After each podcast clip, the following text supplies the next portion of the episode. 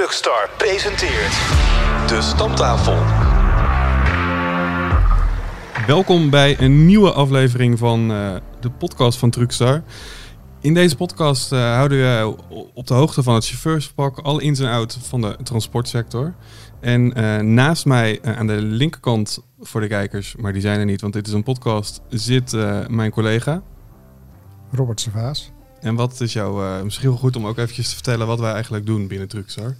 Ik ben redacteur, dus ik mag dagjes met chauffeurs mee om daar verhalen over te schrijven. En uh, wij doen ook nog wel eens samen een trucktest of een rijdt hem zelf. Zeker, zeker. En aan de andere kant zit... Freek Mulder. En wat, uh, wat doe jij eigenlijk? Uh, eigenlijk ben ik een soort uh, manager van alles. Dus ik mag een beetje de hoofdredacteur uithangen. En daarnaast mag ik ook nog een beetje de chef zijn van het Truckstar Festival. En tussendoor probeer ik ook nog eens wat aan advertenties en andere zaken te verkopen. Uh, dus ik uh, ja, doe eigenlijk van alles en mag van alles. En dat is natuurlijk wel een hele leuke positie. Zeker. En waarom we vandaag bij elkaar zitten is om het uh, onder andere te hebben over de cabinetest. Um, die hebben wij in, moet ik dat goed zeggen, november van vorig jaar uitgevoerd. hij staat nu in de, in de Truckstar, in editie 3. En um, ja, jullie waren er ook allebei bij aanwezig. En ja, ik wil eigenlijk jou vragen, Robert.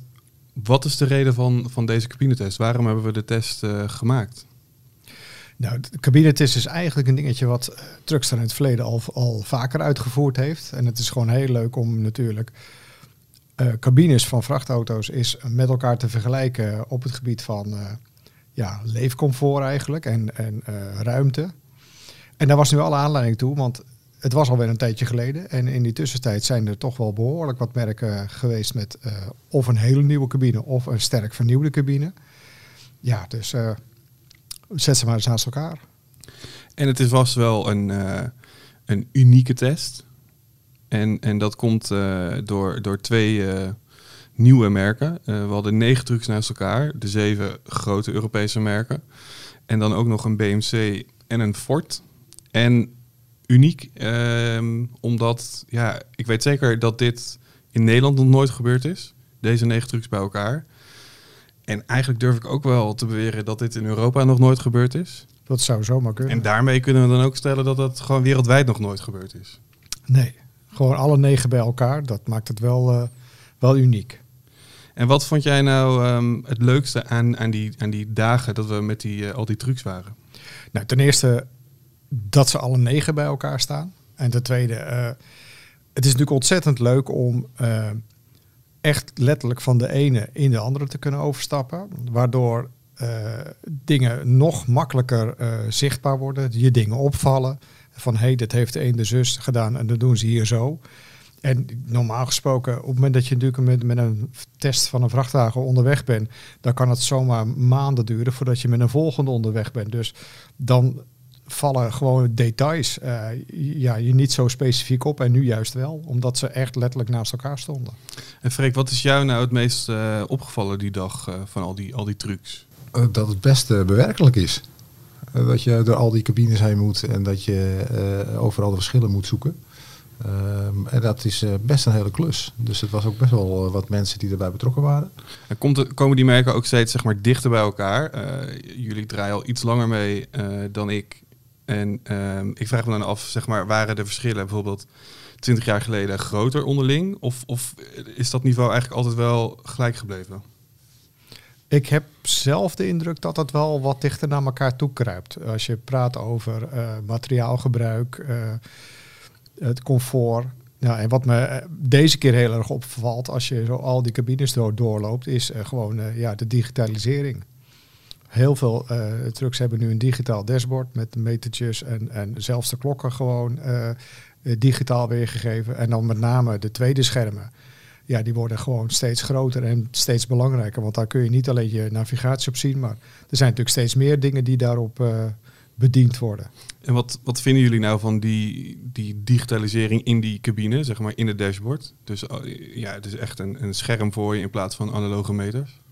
Ja, ik ben een groot voorstander van eh, twee mooie analoge klokken. En dan graag ertussen een digitaal schermpje waar je het een en ander op eh, kan zien, heel vlot. Want in de praktijk denk ik dat de meeste mensen een instelling kunnen, zullen kiezen en hem daarop zullen laten staan. En wat betreft het tweede scherm, ja, dat, zit natuurlijk, eh, dat is wel fascinerend. Want dat zie je gewoon echt groeien, groeien, groeien. Het wordt iedere keer groter, makkelijker bedienbaar, touchscreen. en dat werkt gewoon wel heel fijn. Ja. Daarin zag je ook bijvoorbeeld bij Scania, die eh, met de huidige cabine al sinds 2016 uit mijn hoofd eh, meedraait.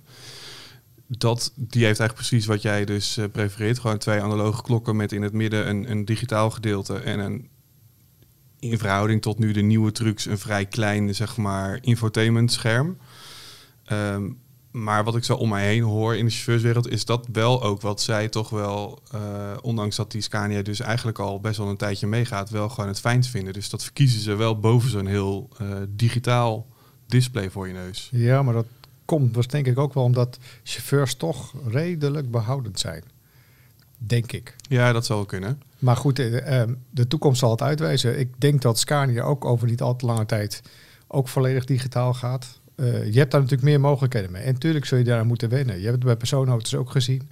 Die kregen op een gegeven moment ook digitale schermen waar je allerlei eh ja, weergave mogelijkheden hebt. En in eerste instantie kiest iedereen voor het oude vertrouwde. Maar op het moment dat je daar zelf meer aan gaat wennen, denk ik dat je op een gegeven moment ook makkelijker eh, een, een andere weergave kiest die misschien voor jou uiteindelijk ook prima blijkt te werken. Maar het is een kwestie van wennen. En er is natuurlijk ook wel een verschil in, in, in hoe je dat dan aanpakt. Als je bijvoorbeeld eh, Mercedes aan de ene kant hebt waar het hele dashboard wel heel erg clean is, met echt twee eh, opstaande schermen hebt, eentje voor je neus en, en Ja, een infotainment systeem. Dat is zoals het in de persoonauto's bij hun ook doen. maar het is echt gewoon één op één vertaling. als je de andere kant zie je bijvoorbeeld een MN en een DAF, die hebben ook eigenlijk dezelfde twee eh, digitale schermen, maar die zetten dat veel meer in een, in een zeg maar ouderwets dashboard gevoel. Dat spreekt mij wel net even iets meer aan. Mij ook hoor. Dat, dat geeft toch net dat, ja, ik weet niet, wat, een wat warmer gevoel als je achter het stuur zit. Ja, bij een vrachtwagen zit je natuurlijk over het algemeen veel langer achter het stuur dan in de persoonauto. Ja, Ja, en de omgeving doet ook een hoop natuurlijk hè, op zo'n dashboard. Ik vind het wel, eh, wel mooi als je gewoon nog een soort boogje hebt boven je, boven je display. Ja, En, en, en wat, wat je ook opvalt is dat het ook wel een beetje begint door te schieten.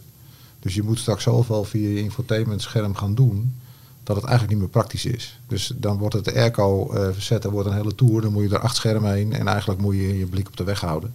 nou, dat is natuurlijk wat je ziet bij, eh, bij bijvoorbeeld een Tesla, om het maar even die persoonauto's erbij te halen. Daar moet je, die, die, die auto's hebben geen fysieke knoppen meer. Je moet daar alles via, via dat eh, scherm doen. En dat, dat is ook bijvoorbeeld, eh, als we over de nieuwste eh, eh, cabine praten, dat is dan DAF. Zij hebben ook bewust voor gekozen om wel echt grote fysieke knoppen.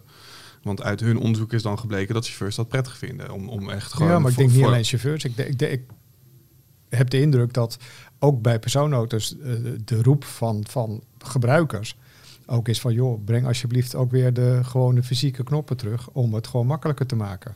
Want Ja. Je, ja, er gebeuren nu ongelukken omdat mensen gewoon op zo'n schermpje proberen... bijvoorbeeld de radio harder of zachter te zetten...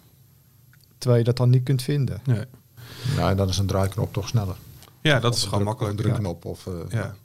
Dat, dat, dat, dat, ja, moet ik dat zeggen? Die, die knoppen die, eh, ja, op een gegeven moment kan je dat gewoon blind allemaal besturen. En dat gaat via een, een, een, een display, een touchscreen, gaat je dat nooit lukken. En als we nou kijken naar, ehm, kijk, er- er zit wel, eh, tussen die negen cabines zit best wel, eh, als we het zeg maar over prijsklassen hebben, zit een heel groot verschil. Waar je de topmerken hebt, eh, ik denk dat eh, eh, DAF een, op dit moment dan een van de duurdere trucks is, eh, helemaal bovenaan hebt. En ehm, BMC die helemaal onderaan staat in de prijsklasse. En is het dan eigenlijk wel eerlijk om die trucs met elkaar te vergelijken? Als je dat prijsverschil maar in, in oogschouw eh, blijft houden. Want eh, natuurlijk kan een BMC eh, niet mee qua materiaalgebruik eh, en, en gevoel met een, bijvoorbeeld een Scania of een DAF. Maar nogmaals, ja, daar, daar hangt ook een prijskaartje aan. Ik vond het heel stoer dat BMC er dan toch bij was. En op het moment dat je dat in ogenschouw blijft houden, dan, ja, dan kan dat er best bij bestaan. Omdat er, denk ik, ook voor, voor een merk als BMC be- best eh, eh, transportbedrijven zijn die denken van nou, ik, weet je, eh, die auto wordt misschien of niet te veel gebruikt, of je slaapt er niet in, je rijdt er een overdag mee, of er rijdt een chauffeur mee die, ja, zeg maar, daar, daar niet zoveel waarde aan hecht. Dan kun je met zo'n BMC natuurlijk ook prima je werk doen. En er rijden er inmiddels ook wel een paar in Nederland. Ik kom er, in Utrecht kom ik er regelmatig eentje tegen.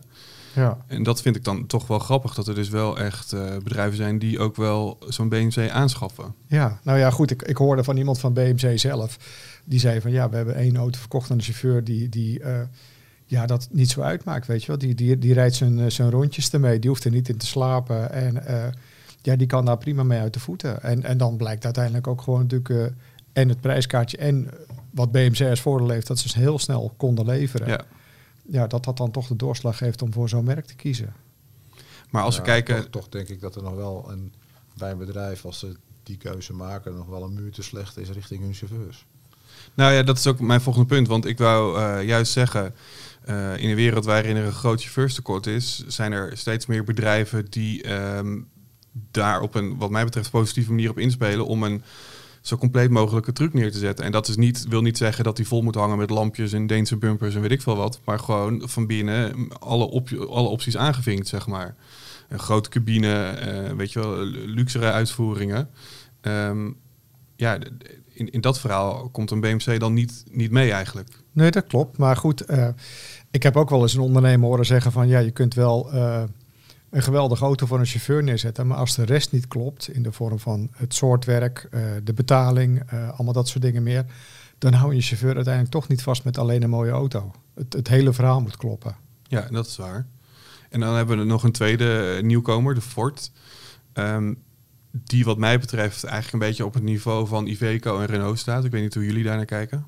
Nou, ik vond dat zeker geen verkeerde auto. Niet, Nee, qua, niet qua looks, maar ook niet qua interieur. Nee.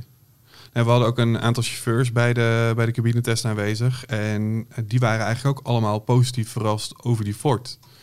En ehm, die is dan op dit moment nog niet in Nederland eh, leverbaar. Vandaar dat we er eentje bij onze zuidenburen vandaan halen. Maar het opvallende was wel dat die truck na onze test ook meteen een week ging demo rijden in Nederland bij een Nederlands transportbedrijf. Dus er zijn wel, denk ik, ook wel eh, genoeg liefhebbers voor, voor die truc. Nou ja, ik denk dat, dat ook daarin eh, misschien een prijskaartje wel meespeelt. En op het moment dat je die auto natuurlijk zich beter kan meten met de rest, ja, dan is de stap eh, naar bijvoorbeeld een Ford eh, misschien wat minder groot, als dat je helemaal naar een BMC gaat. En ehm, jij, want wij hebben ook allemaal een nachtje in die truck geslapen. Jij hebt in de Volvo geslapen Ja, bijvoorbeeld. klopt. Freek in de Renault. Ikzelf in de Iveco. Ehm, wat, wat, dus, dus, wat, wat vond jij nou van die Volvo nu je daar zo'n dagje in, eh, in doorgebracht hebt? Ja, dat is gewoon een topauto. Weet je, er ligt echt een goed matras in met een topper. Die auto is fantastisch eh, geïsoleerd, want het wat, we hadden een frisse nacht, maar eh, in die Volvo bleef het gewoon heel lang behagelijk. Alleen ja, s morgens voordat je opstaat, druk je even de, de standverwarming aan en met een kwartier eh, is het ook warm binnen. En dan kun je gewoon, eh, ja, zeg maar, eh, in een lekkere temperatuur jezelf eh, weer aankleden en zo. Het ging om een eh, Volvo FH Globetrotter XL, dus dat is dan zeg maar de ruimste cabine. Deze had wel, dit was wel ook een luxe uitvoering. Hè? Hij had mooie leren stoelen en ook leren over het dashboard. Ja, precies. Maar, Maar- en, en ik, ik, ik weet niet eerlijk gezegd of die, dat matras met die topper, of dat een standaard iets is, of dat dat ook een aanvinken is van, eh, van nog een paar extra opties. Maar heb jij wel het gevoel gehad ehm, dat je genoeg ruimte op het bed had? Omdat Volvo heeft natuurlijk wel echt inhammen in het bed voor eh, de stoelen. Ja, dat, dat, eh, dat ging goed. Ook omdat ik mijn hoofd aan de rechterkant lag, achter de bijrijdersstoel. En daar heb je die inham veel minder als aan de bestuurderskant. Dus, dus daar hou je meer ruimte voor jezelf over. Want ik weet bijvoorbeeld bij eh, Scania, die hebben dan het onderbed, dat kan je dan in- eh, uitschuiven. Ja, En ik weet dat de chauffeur die eh erin geslapen had, die, die zei van ja, dat, ik vind dat helemaal niet lekker liggen. Want je kan een bed, een matras wel uitschuiven, maar dat betekent dat je kan een matras niet uitschuiven. Dus wat schuif je dan eigenlijk uit? Ja, er, er zit ergens een of ander rolletje achter en je houdt een soort van metalen bar die, die tegen de achterwand aan zit, waar, waar denk ik deel van dat matras in, in rolt. Ja, en die, die voel je als, als chauffeur. En het is heel bijzonder dat juist een merk als Scania, wat door zoveel chauffeurs als, eh, als eh, ja, zeg maar het summum wordt gezien, dat het bed daar toch nog wel een dingetje is. Ja. Ja, en ook eigenlijk de ruimte op het bed. Hè? Want, want het feit dat je hem dus al eigenlijk moet uitschuiven, zegt al dat het originele bed niet, niet heel breed is. Nee, Ja, dat klopt. Dat komt natuurlijk omdat je in een Scania relatief ver, als je ver achter in de cabine zit, Ja, waardoor je achter de stoel niet zo heel veel ja ruimte ik denk meer dat zij eh, ehm, misschien wel eh, eh, prioriteit gegeven hebben aan de zitpositie. En het feit dat je zo wat verder naar achter zit, zal ook wel met veiligheid te maken hebben. Nu een zijn ze auto. natuurlijk bij Scania ook bezig met een verlengde cabine. Ja, maar die hebben ze bij Volvo ook. Ja, Alleen het probleem is, in vergelijking met bijvoorbeeld de DAF XG, is dat eh, zowel de Scania als de Volvo, op het moment dat je daar een, een standaard 1360 achter hangt, ben je eigenlijk te lang. ja, En bij de DAF mag dat, omdat ze voldoen aan die nieuwe regels. ja. En Freek, jij sliep in, eh, in de Renault, de T-High Evolution, om dat dan maar eh, volledig te maken. Ja, dat is een hele mond vol. Dat is een hele mond vol, ja. Ja, het- ik, eh, ik had een mooi avontuur. Want ik had het echt uh, berenkoud. Dus eh, het zuster, eh, de zuster van Volvo eh, heeft de isolatie iets minder voor elkaar, denk ik. Ehm, en eh, hij stond op een van de dealerinstellingen, waardoor ik eh, het stand airco wel eh, aankreeg. Ehm, maar uiteindelijk s'nachts niet meer. en, dus ik, ik had het echt berenkoud. En ik, ik stond een beetje scheef. Dus ik was achter de bestuurdersstoel gaan, gaan liggen met mijn hoofd. En daar zit ook de uitgang van de standkachel. En die blaast dan in je gezicht. Dat is dan niet de meest ideale positie om te liggen. En dat was ook de reden dat ik de standkachel had uitgezet. Nou, hmm, dat was niet een feest. Maar voor de rest moet ik zeggen, eh, een hele prettige auto. Overigens hebben wij er samen, Arjan, een keer eh, mee gereden. Ja. Een, een, eh, een rondje door Limburg. Ehm, en ik vond het wel een nette, opgeruimde auto. Ja, vind ik ook, ja. En het is misschien, het is- de, de uitstraling is misschien wat minder luxe. Hè? Dus geen leerbeklede dashboarden en dat soort dingen. En gewoon stoffen stoelen erin. Maar het zit allemaal wel op een goede plek. Ja, En ze hebben natuurlijk de stuurverstellingen aangepast. En dat is wel echt een enorme plus geworden voor zeker, deze auto. Ja. ja wat ook wel echt nog een plus is in die, in die T-High Evo, de, de nieuwe Renault dus, ehm, is een soort van documentlader die er voorheen ontbrak, waardoor je eigenlijk ja, je, zeg maar, je CMR en dat soort eh, papierwinkel niet echt goed kon opbergen. En nu hebben ze daar wel op een eh, soort van eh, ingenieuze manier een la ontwikkeld waar, waarin je papieren rechtop inzet. Dus je ze niet gewoon plat neerlegt, maar rechtop inzet. Maar dat werkt wel. Eh, dus dat viel mij ook wel positief op aan die Renault. Ja, en grappig is dat, eh, dat soort met hangmatje. Dat is eigenlijk best, Ja. eh, best leuk bedacht. Dat je gewoon een soort lap, En- lap stof hebt die aan de ene kant van de cabine hangt. En waar je eigenlijk heel, heel goed in kunt zitten. Dat werkt verrassend goed ook, ja. ja.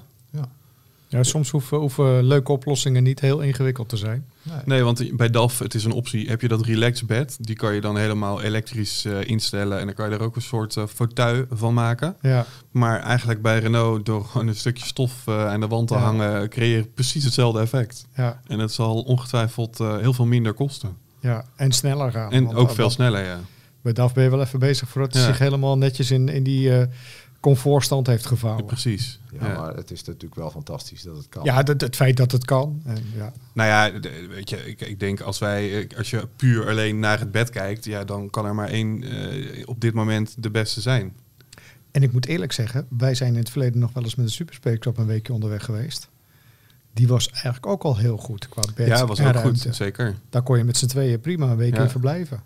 Nou, dat, dat- is natuurlijk wel, daar valt wel wat voor te zeggen. Want de oude XF Superspace Cap, dat was eigenlijk al eh, de ruimste cabine in de markt. Ondanks dat hij dan nog geen eh, eh, vlakke vloer heeft, dat je nog wel een motortunnel heeft.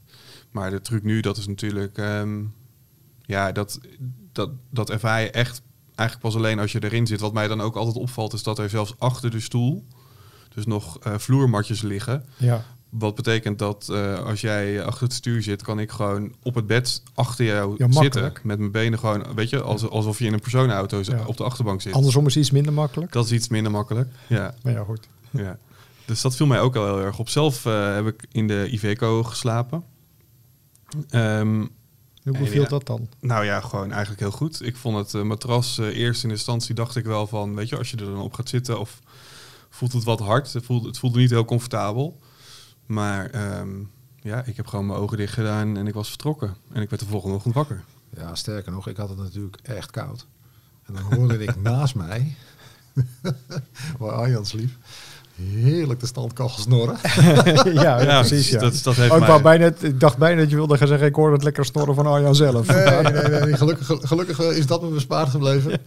Maar eh, ik heb nog wel even gedacht, goh, zal ik even tegen hem aankruipen? Zo Ja. koud had ik het. Overigens moet ik wel zeggen dat het, eh, het bleek aan een dealerinstelling eh, te liggen. Eh, het is dus niet zo dat, ik, eh, dat het aan de Renault zelf lag. Zeg. Nee, nee. Dus dan moet ik wel even, even zeggen dat mensen niet straks denken, nou die auto. Nee, zo was het niet.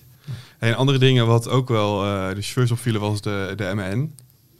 Die, ehm, kijk, een hoop chauffeurs kennen de auto wel, maar hebben misschien nog nooit met het nieuwe model eh, gereden of het nieuwe model van binnen gezien. En wat ik zo'n beetje om me heen hoorde, is dat het wel, ehm, nou echt natuurlijk een goede, dat weten wij ook, maar dat het echt Ja. een goede moderningsslag eh, gemaakt, gemaakt heeft. Ja, het, het, het verschil zeg maar, met het vorige model, terwijl je dat aan de buitenkant, ja, zo heel erg zie je het niet. Maar vooral van binnen, eh, met- eh, die andere stuurkolom, met de veel betere stuurverstelling, met de andere plaatsing van de spiegels. Ja, dat is gewoon wel echt wel, eh, wel veel verbeterd. En sinds het natuurlijk onderdeel is van de Traton groep, deelt het ook wel wat, ja, wat dingen met Scania. Want Nou ja, die vallen daar beide onder. Onder andere die, inderdaad die, die stuurkolom met die stuurverstelling. Ja. Maar ook iets heel handigs als, als zo'n eh, zo'n inklapbaar eh, tafeltje aan de rechterkant. Ja, ja. ja, het viel mij ook op. Ik vind ook gewoon. ehm, eh, ik weet ook van de chauffeur die in de MN geslapen heeft, die eh, was ook eh, die zelf dan een Iveco-rijder.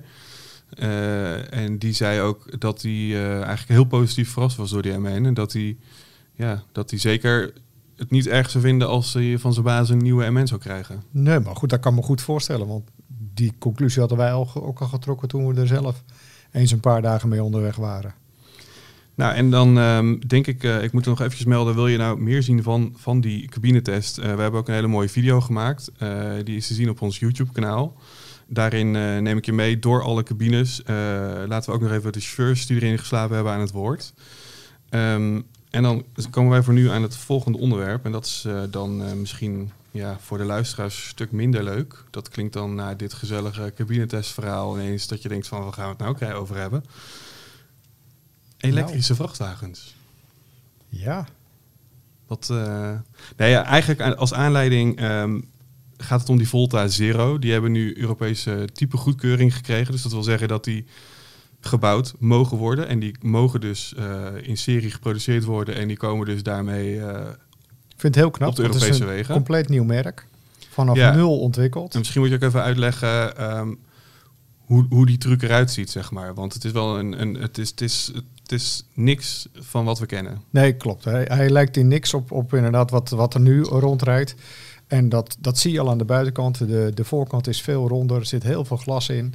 Eh, zijdeuren zijn ook van glas, waardoor je gewoon wel heel veel zicht hebt. Maar het meest opvallende, als chauffeur zit je in het midden. En dat is best gek, want ik heb er eh, met een prototype mogen rijden. Dus dat voelt gek. Maar door dat hele grote ronde voorraam en die glazen deur aan de zijkant, het zicht rondom is geweldig. Maar je hebt dus eigenlijk een beetje een, eh, een, een, beetje een busgevoel dan, ja, zeg maar. oh, jij zit in een vissenkom, zou ik Ja. bijna kunnen zeggen. Maar oké, ik, ik, kijk, ik, ik, wij zijn ook alle drie op de IAA geweest en daar hebben we hem ook eh, gezien. Ja, wat ook opviel is dat je er heel makkelijk in loopt. Ja, Je Ja, loopt zo met een paar passen erin. Je hoeft helemaal niet, eh, geen treden op. Het is, Ja. eh, je, je zit meteen achter je stoel. ja, dat is natuurlijk een beetje wat ze hebben afgekeken van, eh, van eh, de vuilnisauto's. En, ja eh, de- je, Iconic. ja, die, is, die inderdaad de cabine voor de voorras hebben hangen. Dus met zo'n schuifdeur, eh, zo'n busdeur kan je in en uitstappen. Dat heeft deze ook. Ja, En wat natuurlijk heel slim is, do- door die eh, positie in het midden, je hoeft geen aparte links of rechts eh, gestuurde versie te maken, want dat maakt niet uit natuurlijk waar je rijdt. nee. Nu heb ik een eh, berichtje van die, eh, van die Volta Zero op onze social media kanalen gedeeld. En ja, daar kwam eh, niet zeg maar heel veel positieve reacties op. Ik kan me voorstellen, omdat het, ja weet je, de- stoere vrachtwagen is het niet. Het, het, is, het is een totaal andere auto, maar hij is ook echt bedoeld voor stadsdistributie. En, en daar komen natuurlijk ook wel allerlei eisen aan te hangen.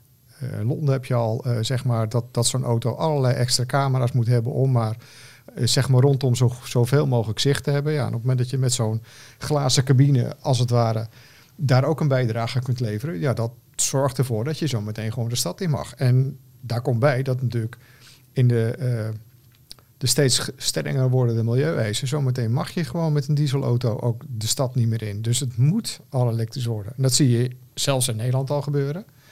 En dat zal alleen maar erger worden. Maar als ik het dan... ehm, kijk, we hebben natuurlijk ook gewoon eh, de grote merken. Bijvoorbeeld een Scania, en Mercedes en DAF. Die, die maken ook allemaal elektrische trucks. En wat ik daar sterk aan vind, is dat je... ehm, je gaat zitten achter het stuur en alles, eh, bijvoorbeeld de, de Scania met het elektrische bakwa- bakwagentje, de P, hebben, P25, hebben we in Nederland meegereden. En dan ga je eh, achter het stuur zitten. En ehm, ja, je zit meteen gewoon in een Scania. Dus het is gewoon heel herkenbaar als een truc zoals je die kent. En dat maakt het wel, zeg maar, dat je denkt van oké, hij is wel elektrisch, maar ja, ik rij wel gewoon met een vrachtwagen. Ja, je voelt je wel vrachtwagenchauffeur. En dat heb je in zo'n Volta veel minder. Ja, Het ziet er inderdaad gewoon qua achterkant eh, met een gewoon laadbak uit als een vrachtauto. Alleen ja, voorin eh, is eigenlijk alles anders als wat je ooit eh, gezien hebt. Maar goed, wie weet als je inderdaad alleen maar eh, eh, stadsdistributie mee doet, dat het wel heel fijn werkt. Dat je er heel snel aan, aan. En het voordeel is natuurlijk gewoon op het moment dat je zo'n auto vanaf nul eh, kunt ontwikkelen, dat je kunt rekening houden met een aantal dingen. Zoals dat accupakket zit in het midden tussen de twee langsdragers van het chassis. Dat accupakket zorgt me- mede voor de stijfheid van die auto. Eh, de elektromotor is samengebouwd bij de achteras. Dus eh, de componenten zitten precies daar waar je ze wil hebben, ook qua rijgevoel. En ja, dat, dat zorgt voor een hele andere rijervaring als dat je gewend bent. ja. Zal dat ook de reden zijn dat Tesla ook gekozen heeft om eh, de bestuurder in het midden te positioneren? Oh, dat zou best kunnen. Bij die Tesla Semi ook. Dat, ja, is, die hebben dat ook. Ja, het is een goede vraag. Ik heb overigens eh, Elon Musk een tweetje gestuurd, hè? Ja, Oh. wij- misschien moeten we dat even uitleggen. Wij, hadden, wij, wij dachten, ach, er rijdt er ergens, er- ergens één in Noord-Amerika. En hoe komen wij als truckstar nou in dat ding? Dus al denkend en roepend bedachten we ineens... misschien moeten we Elon Musk gewoon zelf even een appje sturen. Ja, dus Eh. ik heb hem inderdaad een eh, tweetje gestuurd en eh, daarin heb ik gezegd van joh, hoe kunnen we zorgen dat wij met die Tesla Semi gaan rijden? Dat heb ik wel gewoon in het Engels gedaan, want anders begrijpt hij het niet. Maar heeft hij al gereageerd? Nee, nee. Oh, dat is dus jammer. dus eh, hij is wel heel actief op zijn eigen platform. Maar ehm, hij leest misschien niet alles of hij negeert misschien, dat kan ook. Maar ja, ik denk dat we daar gewoon eh, toch nog wel eens wat... eh, ja. Ik ben wel heel benieuwd naar die auto. Want wat hij bij de personenauto's gedaan heeft, natuurlijk gewoon eigenlijk de hele industrie op zijn kop gegooid in tien jaar tijd. Ik weet niet of hij dat met die vrachtwagen ook helemaal gaat redden, maar dat ze de technologie in huis hebben Ja, dat om iets bijzonders waar. te maken, dat, dat is er zeker. Het gekke is wel, er zijn natuurlijk een aantal bedrijven die nu, eh, volgens mij is bijvoorbeeld eh, PepsiCo in Amerika zo'n bedrijf die er een x aantal heeft rijden. En er zullen er ongetwijfeld nog meer zijn, want ze rijden dus wel echt.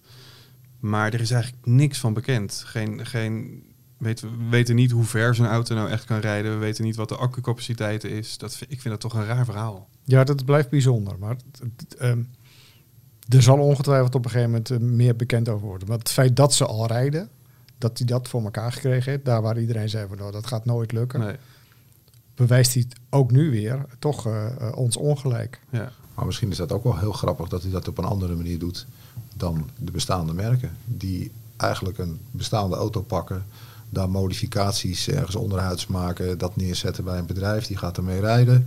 En dan gaan ze vervolgens gaan ze het allemaal testen en dan gaan ze het doorvoeren in de producten. Hij zet het product gewoon neer. En nu wordt er in de praktijk waarschijnlijk gewoon gekeken, hoe gaat dat dan? En dat hij die data dan niet deelt, ja, dat begrijp ik wel. Maar dat gaat komen. Dat gaat Oh, ja, komen. dat denk ik wel. Nou moet ik wel zeggen dat hij heeft natuurlijk in de personenauto's heel bijzonder goed gedaan. Maar er werd ook wel een beetje subsidie verleend links en rechts. En dat is natuurlijk ook wel een van de hangijzers van elektrische auto's. En dat is met name de prijs. Ja, want eh, rijden, nou we hebben allemaal volgens mij wel eens in een elektrisch aangedreven vrachtwagen gereden. Eh, dat is heel plezierig. Het is heel stil, het, eh, het, het, het versnelt als een, als een dolle. Je kan super goed invoegen. Eh, ik denk dat je als chauffeur ook minder moe thuis komt aan het eind van de dag. ja. Ja. Wat ik wel ervaar is dat je continu zit te kijken hoe, je het, hoe het zit met je, met je range die je nog hebt. Hoeveel kilo- kilometer kun je nog rijden? En vooral op de snelweg zie je hem dalen. Ja. Opvallend Ja. genoeg is dat als je dan binnenweggetjes pakt, dan zie je hem weer stijgen. Dat is eigenlijk wel heel Ja, grappig. Het leuke grappig is, het, het is dan echt een andere manier van rijden. En het, het wordt, het- dat, zo, zo heb ik het ervaren, echt een soort sport om hem ook binnendoor eh zoveel mogelijk op te kunnen laden. Dus al heel vroeg eh, je gas loslaten als je over een kilometer een rotonde ziet of zo, weet je wel. En dan zie je ook dat hij dus heel lang blijft doorrollen. Het vergt wel echt een andere manier van rijden. Ehm, ik vraag me alleen wel af, ja, kijk, we zien nu bijvoorbeeld eh, steeds meer Volvo's eh, bij klanten afgeleverd worden. Ehm, maar ja, heeft het nou echt de toekomst in, in transportland? Nou ja, eh, ik denk als je da- kijkt naar die actieradius, dat is een beetje, kijk naar ehm, elektrische persoonauto's van een jaar of tien geleden, dan mocht je blij zijn als je 100 of 110 kilometer haalde aan Ja. actieradius. En dan was het dus ook heel erg van belang dat je zoveel mogelijk eh, gebruik maakte van het regenereren. En eh, ja, constant met, met een oog naar de verbruiksmeter. En ja, je ziet nu hoe, hoe beter die auto's worden, hoe minder eh, issue de, dat verbruik wordt. En dat, dat, dat zie je bij vrachtwagens. Daar zit je eigenlijk in die beginfase. Ze kunnen misschien 200, 300 kilometer ver. Op het moment dat dat meer wordt, wordt die actieradius veel minder een issue. En ik, ja, je kunt je natuurlijk eh, sowieso allerlei vraagtekens stellen bij elektrisch rijden. Van hoe, hoeveel milieuvriendelijk is dat nou? Maar ja, het lijkt erop, er is, er is een, een, weg gekozen en iedereen hobbelt erachteraan en je zult mee moeten. Ja, Maar eh, laten, laden en vooral de laadtijd. Ik bedoel, normaal gesproken ga je naar de pomp. Eh, je klets je diesel in de tank. En nou, laten we zeggen, een kwartier, twintig minuten later ben je weer vol op weg. Ja, dat gaat nu even anders. Nou ja, Hoe ga je dat dan doen? Want dat, dat, ja, eh, tijd is ook geld. daar zou, daar zou waterstof de oplossing kunnen zijn. Want dat kun je natuurlijk net zo tanken als diesel. Dus met een minuut of 10, 15 zitten je, je waterstoftanks weer vol en kun je weer zeggen 400, 500 kilometer ver. maar je ziet ook wel dat die merken een, een soort van heel pakket aanbieden aan, aan de eh, transportbedrijven. Dus dat ze ook echt kijken van, oké, voordat jij die elektrische stuk aanschaft, eh, hoe zit jouw planning in elkaar? Wat, wat, weet je, wel, waar is een moment dat er geladen kan worden? Dat, dat is een heel traject wat daar ook aan vooraf gaat voordat zo'n bedrijf überhaupt een elektrische truck in gebruik neemt. Ja, nu nog wel. Ja, Maar als je zo meteen accu's hebt waarmee je 600 kilometer actieradius haalt, dan kun je gerust daar eh, de hele dag mee eh, ja, je distributiewerk doen. wij hebben, wij hebben zelf eventjes zitten zoeken naar een, ehm, een openbare laadpaal voor een vrachtwagen. Nou, dat is nog een lastige, denk ik. Ja, Dat geeft meteen natuurlijk aan waar de grote bottleneck nog ja zit. precies. Ja, misschien moeten we dan even uitleggen, maar wij zijn voornemens om eh, Ja. eh, op 22 april eh, een aantal van, van onze luisteraars en lezers van Truckstar in de gelegenheid te stellen om met een elektrische vrachtwagen te gaan rijden. Maar dat betekent dat we ja, naar een aantal ritten ergens tussendoor moeten gaan laden. En eh, het zoektocht naar een snellader eh, is, is, is een hele tour. Ja. Maar goed, dat, dat is ook wat je hoort van onder andere politiek, maar ook vooral ondernemers. Van, ja, ik wil wel een elektrische vrachtwagen, maar zorg dan ook dat de bijbehorende infrastructuur op orde is, zodat we daadwerkelijk zo'n ding fatsoenlijk kunnen gaan inzetten. En nu heb ik wel begrepen dat, ehm, is dat Volvo samen met Mercedes? Ja. Ja, Dat- die, Ja. die gaan 500 miljoen geloof ik investeren in snellaadstations Ja, eh, ja. in Europa. Maar ik heb ergens, dat moet voor 2025 gebeurd zijn, heb ik wel eens ergens gelezen. Nou, het lijkt me heel snel. Nou, eh, zeker het feit dat ik laatst nog in het nieuws hoorde dat eh, bijvoorbeeld in de provincie Brabant eh, er gewoon al een soort van wachtlijst is om überhaupt aangesloten te worden op het stroomnet. Ja, gewoon- en dat geldt in Noord-Holland ook. Hè? Ja. We hebben daar wel eens een keer een stuk over geschreven ook al. Er moet zoveel kabel de grond in om, eh, om overal elektriciteit te voorzien door iedereen die op het ogenblik alles elektrisch doet. Hè? Dat is van Ja. koken tot het laden van je auto. En, eh, En ik heb wel eens iemand ge- gesproken van zo'n netbeheerder die zoiets had van ja, dat is nog een hele tour om al die kabels de grond in te, te krijgen. Want dat betekent dat je van provincies, gemeentes eh, allemaal toestemming moet krijgen. Er zijn inspraakprocedures, eh, er moeten nieuwe elektriciteitshuisjes neergezet worden. Die kun je ook niet zomaar overal neerzetten. Ook daar zijn vergunningen voor nodig, inspraakprocedures. Dus ja, we willen wel, maar het gaat gewoon heel langzaam. Maar is dit dan, ehm, dan speel ik toch een beetje advocaat van de duivel, is dit dan voor transportbedrijven wel een goed moment om zo'n elektrische truc aan te schaffen? Voor sommigen die zullen ook zoiets hebben van, goh, dan kunnen we er maar vast ervaring mee op doen. Want, nou ja, je noemde net zelf die ja, daar was bijna alleen maar elektrische Ja. vrachtwagens te zien. Dus, dus iedereen verwacht dat dat de toekomst gaat zijn. Ja, dan kun je er misschien maar zo vroeg mogelijk bij zijn om vast wat ervaring op te doen. En nogmaals, ja, er zijn zometeen ongetwijfeld momenten, eh, of plekken voornamelijk in, in Nederland, waar gewoon eh, steden een eh, milieuzone instellen. En dan kun je er alleen met een elektrische vrachtwagen in. Ja. Dus je zult misschien wel moeten. Ja, je ziet natuurlijk ook opdrachtgevers die het eigenlijk wel verwachten van transporteurs dat ze ermee eh, starten. En dat er soms dan ook in gezamenlijkheid eh, auto's eh, worden gekocht of eh, later infrastructuur wordt aangelegd. Ja. Omdat het ook voor, eh, voor, voor ja, de transporteur zelf eh, best wel enorme investeringen vergt op het ogenblik. Ja, een, auto, eh, een elektrische te auto is natuurlijk eh, twee tot drie keer duurder dan een eh, diesel eh, Bijna variant. drie tot vier keer. Ja, Ja, en dat, dat- wordt vast anders. dat natuurlijk. Ja, we zijn ook aan het begin van die elektrificatie. Nou, hebben wij alleen, eh, Robert en ik, ooit een keer de eer gehad, eh, nou, ik denk bijna een jaar geleden, om eh, te rijden met, eh, met de DAF op waterstof. En dat betreft dan gewoon een verbrandingsmotor. En die is bijna emissieloos. Ik geloof dat er eh, 0,03% nog eh, emissie uitkomt, omdat eh, je altijd wat eh, karterolie verbrandt in je verbrandingsproces. Maar dat vond ik ook wel een hele prettige manier, denk ik, eh, om, om het in te vullen. Ja, en, en heel eh, eh, handig. eh, je maakt natuurlijk gebruik van bestaande, bekende en beproefde techniek. Het enige wat, wat er verandert, dat je geen diesel eh, verbrandt, maar eh, waterstof. Maar de rest werkt hetzelfde. En dat zou natuurlijk een hele slimme, handige manier zijn om, om, om die transitie toch... eh, Maar als ik het goed begrijp, zit ook eh, de wetgeving eigenlijk die waterstoftruc nu nog in de weg. een beetje wel, ja. Omdat ze hem van de wet nog niet helemaal als 100% eh eh emissievrij Ja. zien. Maar dat is hij ook niet natuurlijk. Nee, en dat is hij natuurlijk 100% ook niet, maar-. Datzelfde geldt natuurlijk voor eh, een hybride Scania bijvoorbeeld, die Ja. met hybride trucks rijdt.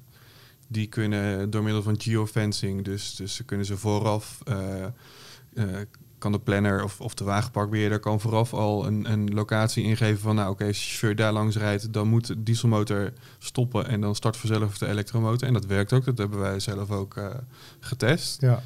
Maar volgens de wet is die auto ook niet emissieloos, terwijl die emissieloos door de stad rijdt. Ja. En er zit nog een stapje voor natuurlijk, eh, waar bijna het niemand over heeft. HVO. Ja. Heel veel moderne dieselauto's kunnen daarop rijden. En als, als je op 100% HVO zou rijden, ja, dan doe je natuurlijk ook ontzettend veel eh, voor je CO2-uitstoot. Ja. En in feite, ehm, maar dat, daar denken ze dan misschien eh, in Den Haag eh, anders over.